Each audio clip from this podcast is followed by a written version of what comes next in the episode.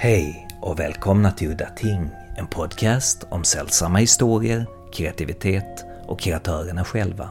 Mitt namn är Henrik Möller, musiken är skapad av Testbild och loggan till podden är gjord av Malmökonstnären Nalle Chinsky.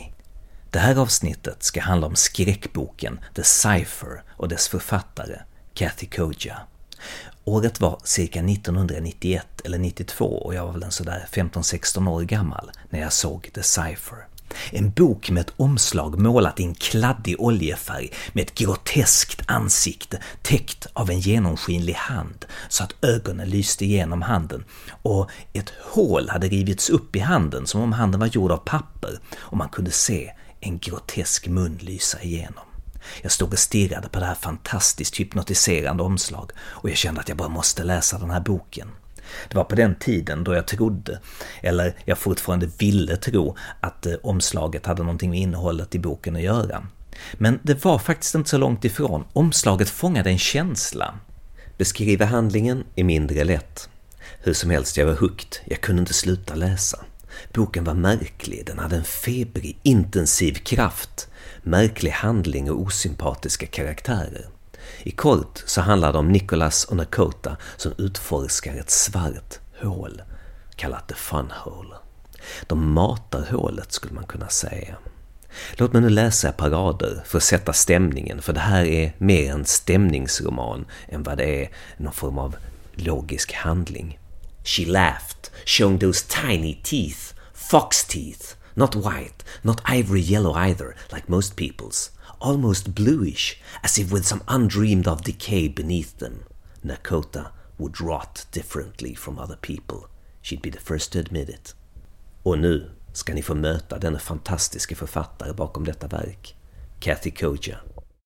Um, I have been a writer since I was a very little child, since I was about five years old. Once I understood that the stories that I loved in, in books and picture books were something that I could do, uh, I started doing that. And so I've been doing it for years and years and years and years. The stories that I, I think, like almost all writers, you come to it as a reader and you start trying to replicate things that you read that like you would watch like you would watch a, a, a ballet dancer or a, an athlete doing something you want to do and you just do it. You do the same thing they did and you hope that you you'll learn that way. Um, i remember reading dracula when i was 10 and thinking that this might be the greatest book that had ever been written. It just blew me until i read wuthering heights which i was actually is one of the greatest books ever written. But I remember reading that book and being really excited by not only the story of it, but by the different ways that Bram Stoker chose to tell that story. And it's really quite modern if you if you look at the ways that he uses letters and dictated wax cylinders and bills of lading and newspaper accounts and all these things put together just a wonderful way and really immersive way to tell a story. How did the cipher come about? Oh, right. I had written a story um, that got a lot of attention, a short story called Distances. And my agent at the time said, Do you think that you could try to expand that into a novel? You know, we you should probably think about writing a novel now and why don't you work on that? And I tried to do that and it didn't work, but there was another peripheral character kind of and i did like him and i did follow him and that was the character that turned out to be nicholas in the cipher and so that was how that that book came about. And when i finished it and gave it to my agent um, he said well if you have the balls to write this i guess i have the balls to sell it. And he did.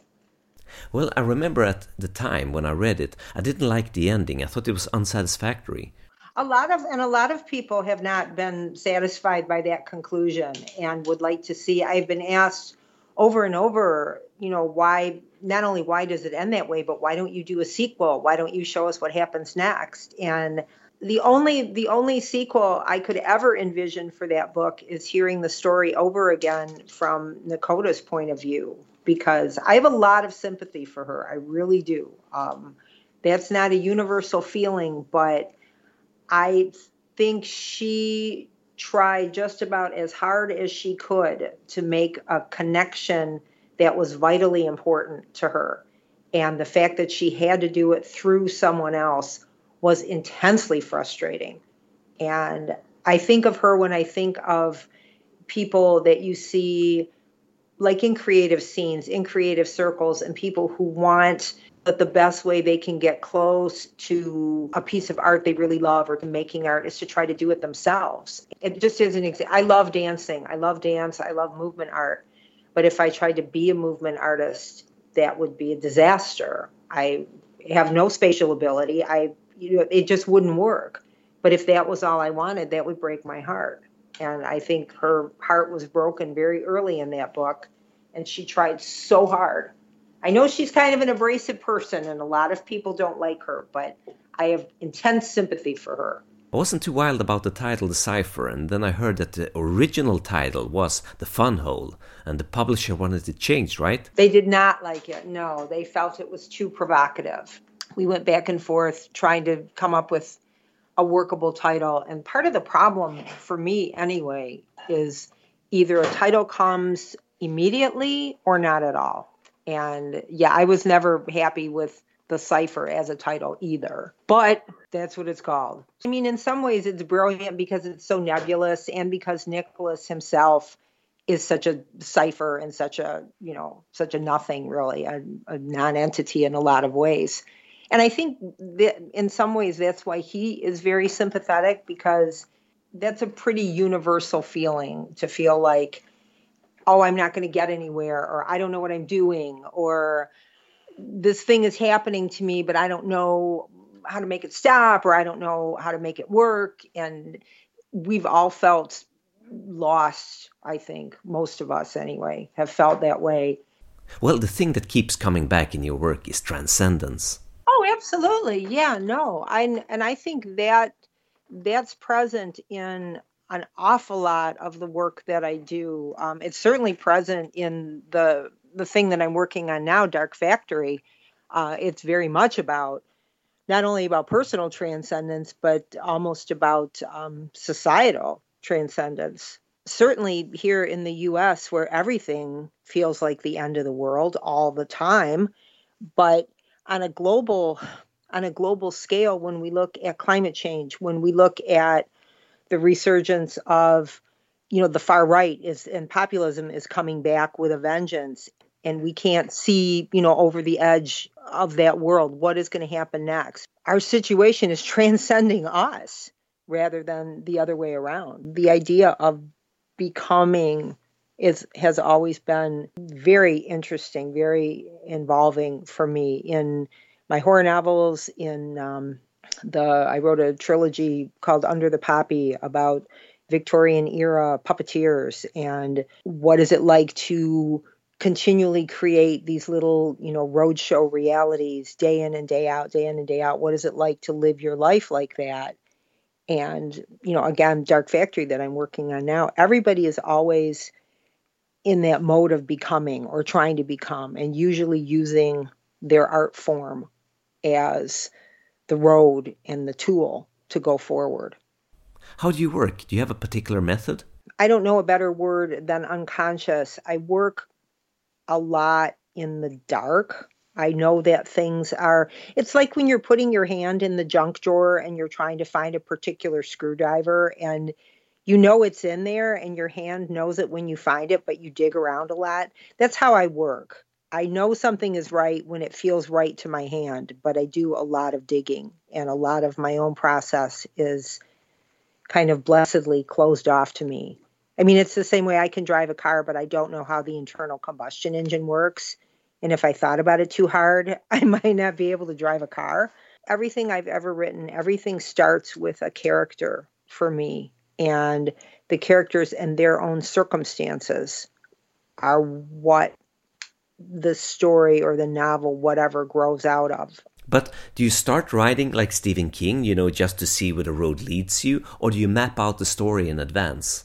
I generally have an idea of where I'm going. I have these characters and I or you know i start with the one character and then other ones will join up and i make a lot of notes and do a lot of research beforehand and depending what i'm writing about like when i was writing about the victorian puppeteers i knew nothing about any of that. So i had to do a lot of research not only on you know the victorian edwardian era but also on puppets and puppeteering and where did they come from and what would be you know the kind of kit these guys would have and what would they you know how would they go about from place to place and blah blah blah. And a lot of times ideas that i have started with and go and start going forward with i find out through the research are just not correct or they won't work for another reason so i have to discard them i never know the ending of anything before i start i think if i did i don't know if i would write it i a lot of it is about discovery and learning what the hell a thing is supposed to be about. And without that discovery as an engine, it would be hard for me to work. Was there something in the cipher that came from personal experience?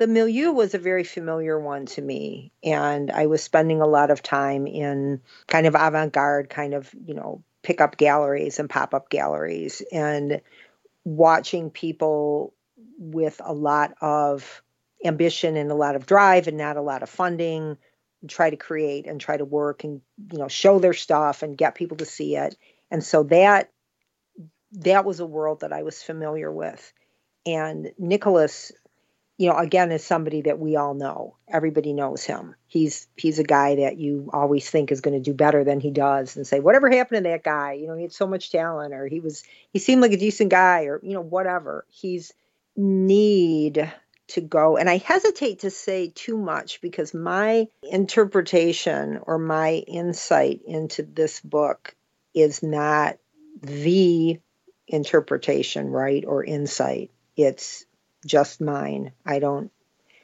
I don't know any more than anybody else. I wrote it, but that doesn't mean I understand it. So he in that world and that whole kind of rage for creation and for wanting to make something or to be part of something or to be you know he's in the when the book opens he's writing this you know bad poetry and he knows that it's not that good and he's kind of deliberately dooming himself to a life that will not be useful or fulfilling. And he's doing it quite deliberately. He's a very smart guy. He is sort of, to me, he's sort of using Nakota to be his spur to, you know, kind of carry his water and get him off the dime and get him off the couch. And hey, let's go look at this thing. Hey, let's go look at this fun hole. Hey, let's go, let's stick something down. And hey, why don't you get a camera from work? I mean, she's really the engine of this, and he's he's going along with it. But I wonder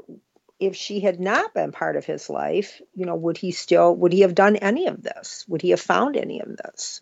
I think what people respond to so forcefully and have for years and years and years to this book is is that the fun hole's never explained. It's never explained, it's never overcome, it's never fixed, and you are kind of left hanging.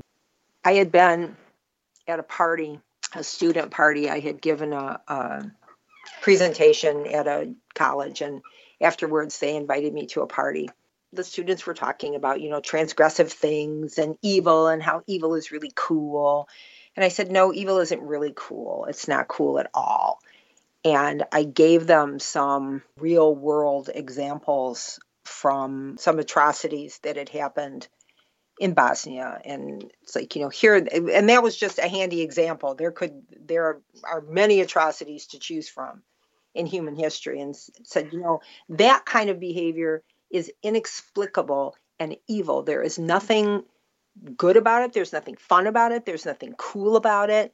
It's not like the Prince of Darkness. I mean, it's some guy who has no reason to hate you doing something to you that's unspeakable. And that's evil. And that's not fun and it did kind of ruin the party that nobody wanted to hang out anymore after that but that to me is kind of what the fun hole is the, the void does not know your name the void doesn't care it just really doesn't care I didn't used to believe in evil when I was young.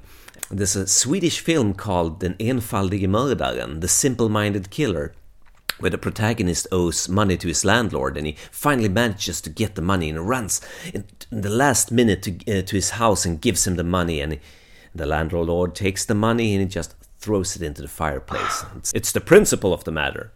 Wow. That kind of defines evil, just cruelty, not about money or any reason whatsoever, just plain sadistic pleasure in cruelty. Right, for no, there's no benefit to anyone. It's just this sort of, I know I didn't used to believe in evil either, and then I grew up and said, oh, I see, okay. Because you do see, even on small levels, you can see it in interactions it's kind of a, a, negation of the other person. And it doesn't have to be human. It can certainly be an animal. It can certainly be you know the entire world that we live in. This kind of negation of the other you know it's like i'm the only thing that matters. I think we see the edge of that in the current us you know quote unquote president. You know on one level it's just this sort of disgusting person who is only about greed and only about rewarding his whatever friends he has and you know punishing his myriad enemies.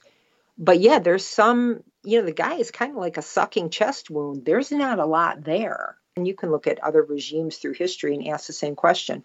Why are these essentially meaningless but incredibly hurtful policies being put into place? And that's why the you know the phrase is the cruelty is the point.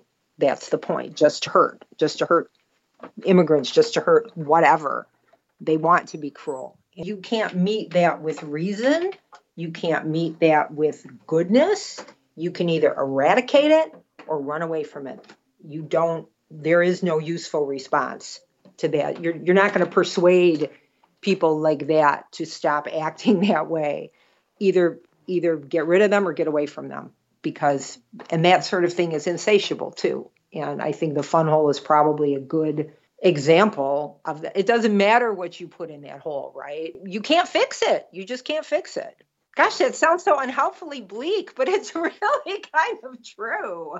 I heard you've been doing some performance theater. Dracula was one of the one of the stories I retold as an event. Even recasting that and saying, okay, what what does that boil down to? Where's in in some ways where is the transcendence in that? And in that story my answer was hunger.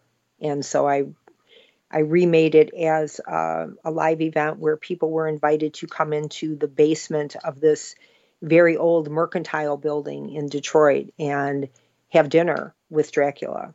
And as he's interviewing young jonathan harker for you know for a position as his solicitor and people got to sit at the table with them and at every scene change we made them move down one chair. So they were getting closer and closer and closer to dracula with with every scene change. It really got the point across. I i did a live version of alice in wonderland and in my story there was um, in my version of the story instead of tweedledum and tweedledee there was only one tweedle and the other tweedle had died and so she was just she was living all alone in this kind of little fantasy land she made for herself with toys and candy. And i had staged it in a disused or a, a, not being used preschool.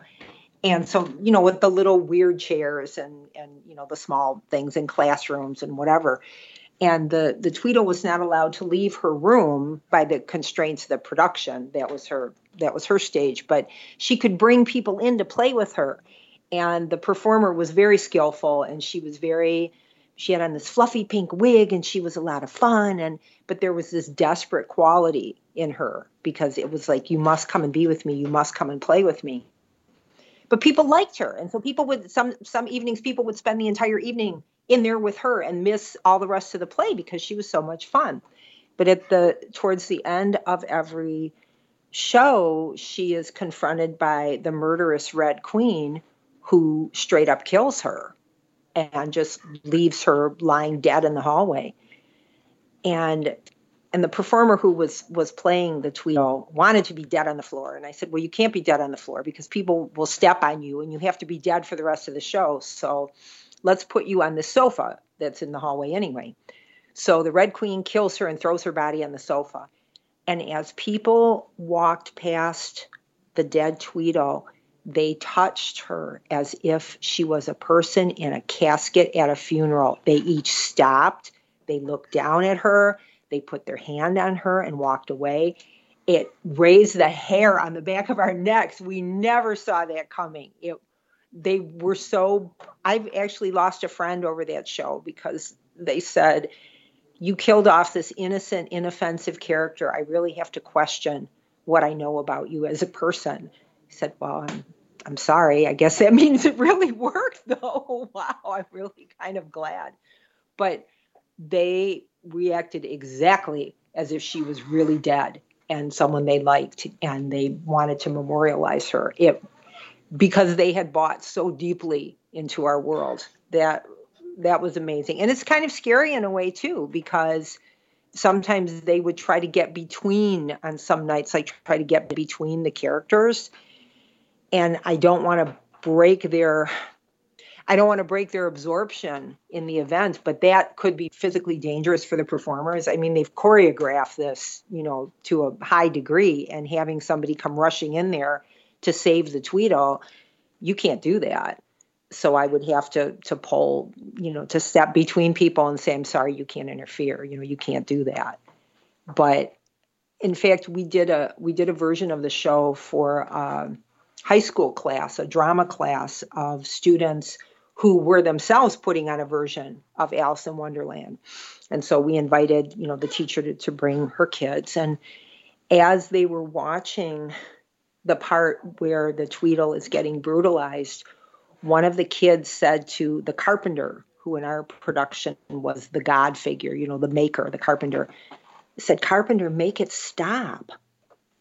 And that performer playing the carpenter said with per I mean this was perfect. She said it doesn't work that way. Talk about an existential dilemma, right? Make it stop. It doesn't work that way. Wow. Yeah. And after afterwards the, the kids left like in total silence and we were concerned that they might be upset. So I got in touch with the teacher afterwards and said, I, you know, I hope it wasn't too intense for them. I hope. And she said, Oh no, as soon as they got out to the parking lot, they wouldn't shut up. They loved it. They loved it. They were so excited. They want to do something like that. So it's like, okay, all right. We didn't, we didn't ruin anybody for life or anything, but they were so into it and so intense. And it was beautiful to see the story that they knew open up like that for them. I went to a fantastic immersive performance in Denmark by artist Signa Sørensen, where you would arrive at 6 o'clock, 6 p.m., and you would leave all your clothes and belongings and you put on a hospital gown and little socks on your feet, and you would get into this 50s like mental hospital environment. You had your bunk bed and small black and white TV set showing old American propaganda films and basically an institutionalized mental hospital hospital environment and they would feed you fake drugs and they would take you to group therapy and you would be there from 6 p.m. to 6 in the morning. So during the course of this time, slowly, slowly, your reality was starting to break down. it was really going insane. That's so brilliant because it's taking the concept as far as it. See, you can't possibly do anything like that in the states because someone will sue you for everything that you do. It's really annoying. But those, I love the idea of that because, again, that's turning your reality inside out. The longer you stay in, I had gone to see the Punchdrunk version of Sleep No More when it first came to the States before it became like a big tourist thing in New York. Yeah, I went to that in New York two years ago. I'm afraid to go see it. My son keeps wanting me to go. And I, on one level, I would love to see how they expanded it. But on the other side, when I first saw it, that was the first really, really professional, immersive event that I had ever been to. And it just blew me away. And nothing is going to replicate that thrill. So I kind of don't want to see it again. But they very brilliantly used very simple because that one was set in a uh, that one was also in a school in an old parochial school. And they had some kind of deal with the Boston school district I think to to like use this. So the idea was you're in this school and you're roaming around and when they first brought you in, they had those very harsh white holiday lights strong outside and then very dark when you walked in. So you had that immediate liminal moment of disorientation. And that was just brilliant. The the friend who co-directed some stuff with me afterwards she and I went to see this and we were holding hands like little kids because it was so dark and we got so scared. It's like oh what are we walking into? And then and then you exit into the first thing you see, you know, is the is the bar when you come in and they give you the playing cards and stuff. But it was very simply done and beautifully done because it's the, the fear of the dark, but it's also like erasing the other world. That world doesn't matter anymore, and now you're in this world. So, yeah, I was pretty impressed with it, and that was one of the things that I wanted to before I started making those kinds of events i wanted to know well how how is it done? What is it like to experience this? What is it like to experience a good one? And they were my answer. So that was kind of a life-changing show for me. I think this is a kind of storytelling that people not only are we we ready for i think we really need immersive stories and events. And the more real they are the more we can physically experience them. I think the better it is because we are so intensely digital now. It's good to feel things in your body. It's good to feel, you know, the physical thrill or the physical fear or the physical, you know, whatever of putting on the little booties and the hospital gown. I mean, that's not replicable in the same way in a digital environment. Not yet. Could you talk about this new project you have called Dark Factory? I started doing the immersive performances with my novel Under the Poppy, the Victorian puppeteer one. Um, I had done a book trailer for it and got involved with some really fun, creative people and said, "Wow, this is really great. I think you know we should try to do something bigger. Let's do something bigger." And so we created this the idea that the people are coming to the brothel. They're coming to this Victorian brothel where the puppet shows take place, and it was set in a Victorian era mansion in Detroit that had been. It had never been in disrepair, but it had been kind of cut up, carved up into different little apartments, and the person who purchased it was in the process of restoring it. So a lot of the space was raw. There were some, here's the beautiful library with the inlaid pocket doors, but here's this other stuff where there's like you can see raw wood. So that was kind of perfect for that feeling of being, you know, again in this sort of liminal performance space. And the idea was you could follow along the main characters as you know the narrative went through the house or you could go upstairs and hang out with the floozies or you could just walk around and you know explore the house for yourself. And i loved watching people react. There was one moment where the the villain of the piece is he's in love with with one of the brothel owners and he can't have him. So he's taking it out on on one of the prostitutes who work there and so the main action is going on the main narrative's going on on the first floor but you can hear these screams from upstairs. And every night i mean people are like they're looking and they're looking at the the actors and the actors are like trying to carry on the way you would when you know something's terrible is happening but you can't do anything about it. And every night there would be one or two brave people who would go up the stairs to see what was happening. And one night i followed one of them she was outside the door very tensely where this awful action is taking place. And then the door bangs open and the villain comes out and he has this bloody stick pin in his hand. And he looks at her. And this is just these two people alone on this dimly lit landing. And he looks at her and he just licks it and looks at her while he's doing it. And then he puts it away and goes down the stairs. And she's just standing there. And then the poor brutalized prostitute boy comes out and she goes to him and just like kind of pats his face with a hanky or something and just kind of pats him and he thanks her and then goes away. It was so brilliant. It was like what that was a, a moment that existed only for those people. And you know for me watching from one landing down but it was something the three of them had created not just the performers but she too it was brilliant. And that's an, an unrepeatable moment. It happened just to them. And things like that happened almost every night with different performers and different so being able to tell a story that way was instantly exciting to me. And so i did um, i did a version of marlowe's faustus in a church where the on the, the on the altar uh, mephistopheles and faustus are are duking it out while the deadly sins are running around in the pews and hassling people and trying to make out with them. And it was really it was again it's really fun to watch people's reactions and how each person meets that kind of experience. And it's it's unique to them and to the moment. So that's where dark factory comes from. Um, dark factory is a novel but it is also it has an awful lot of moving parts and there will be a performance component but it's very much it's taking immersive fiction as far as I have ever taken it, and I'm really excited to see what will happen and if if I can pull it off the way I want to. Because the idea is this is there's this um, this dance club called Dark Factory, and our two main characters. One is a guy who works there and is perfectly happy with it and likes it and is happy with his life and everything's great.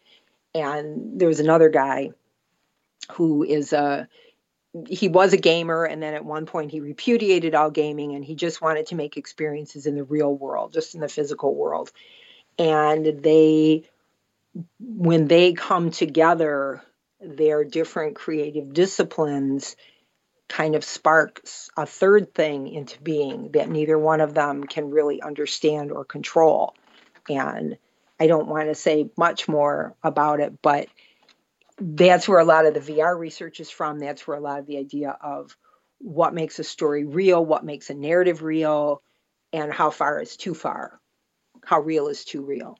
It's really exciting. It's taken me a while to write it because I've almost been kind of inventing the steps as I take them. And so that means a lot of false steps, and you have to go back and so it's been a very good learning experience too like all learning experiences it's very frustrating and you wonder if you can do it but it's been it's so much fun it's pff, ton of fun och med er de orden så var det slut för den här gången. Mitt namn är Henrik Möller, musiken är skapad av Testbild. Hej då!